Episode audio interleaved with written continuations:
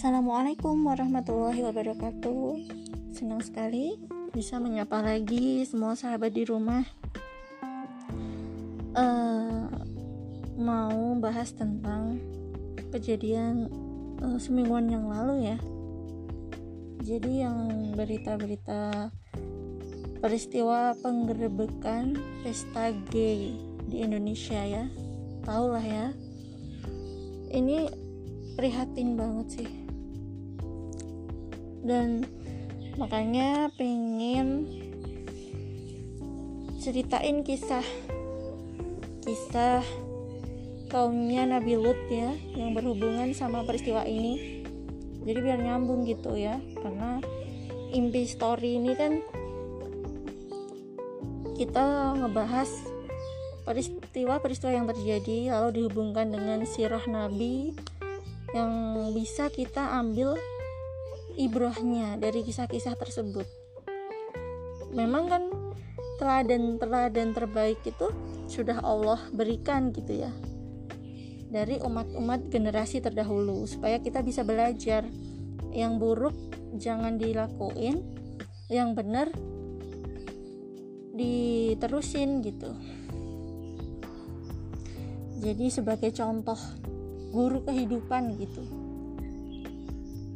jadi uh, pengikut Nabi Lut ini kan termasuk kaum yang menyimpang menyukai sesama jenis. Nabi Lut alaihi salam ini merupakan keponakan Nabi Ibrahim alaihi salam. Nabi Lut ini merupakan anak laki-laki dari saudara Nabi Ibrahim alaihissalam yang bernama Haran bin Tarik.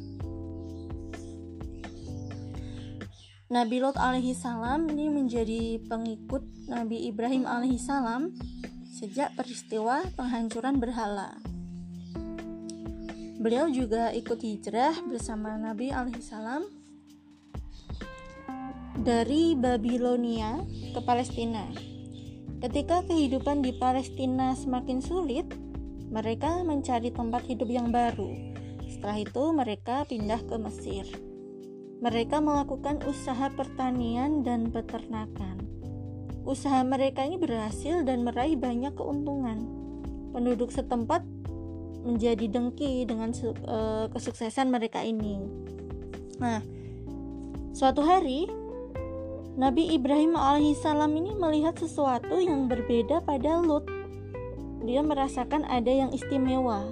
Wajah Nabi Lut ini tambah bercahaya bagai rembulan. Lalu ditegur sama Nabi Ibrahim alaihissalam. Wajahmu tampak bersinar. Lalu aku merasakan sepertinya engkau adalah di, uh, sepertinya engkau telah dipilih oleh Allah uh, si Nabi Lut menjawab, "Iya, paman. Malaikat Jibril telah datang kepadaku atas perintah Allah. Aku diperintah untuk mendatangi suatu kaum di sebuah negeri." Nabi Ibrahim alaihissalam mengerti maksud ucapan Nabi Lut alaihissalam. Nah, ini berarti Allah Subhanahu wa taala telah memilih Lut sebagai penerus risalah kenabian uh, Nabi Lut eh Lut telah diangkat menjadi nabi. Usaha pertanian dan peternakan milik mereka ini bertambah sukses. Dan penduduk malah semakin menunjukkan kebenciannya. Dan Nabi Idris alaihissalam dan Nabi Lut alaihissalam menyadari tidak mudah berdakwah di lingkungan masyarakat yang seperti itu. Akhirnya, Nabi Idris alaihissalam dan Nabi Lut alaihissalam memutuskan untuk meninggalkan Mesir. Mereka membagi kekayaan dari usaha mereka. Selanjutnya, Nabi Ibrahim alaihissalam kembali ke Palestina, sedangkan Nabi Lut alaihissalam pindah ke Yordania. Nabi Lut alaihissalam menuju suatu lokasi yang telah diperintahkan Allah Subhanahu wa taala. Semua terasa baru bagi Nabi Lut. Dari kejauhan, kota itu telah tampak. Nabi Lut ini tertegun. Nabi Lut alaihissalam tiba di tempat yang bernama Sadum. Tersebar kabar bahwa kaum Sadum ini mempunyai moral paling buruk. Mereka suka melakukan kejahatan, merampok, dan mengkhianati teman. Mereka ini keras kepala dan angkuh. Kaum Sadum ini juga melakukan suatu perbuatan yang belum pernah ada di muka bumi. Mereka melakukan perzinahan dengan sesama jenis. Perbuatan ini yang dimurkai oleh Allah Subhanahu wa taala. Orang yang masuk ke wilayah eh, ke wilayah Sadum ini akan dirampas hartanya, diperbudak untuk melakukan tindakan keji. Tidak ada tamu yang selamat dari kebiasaan buruk kaum Sadum ini. Nabi Lut alaihissalam melangkah masuk ke wilayah Sadum.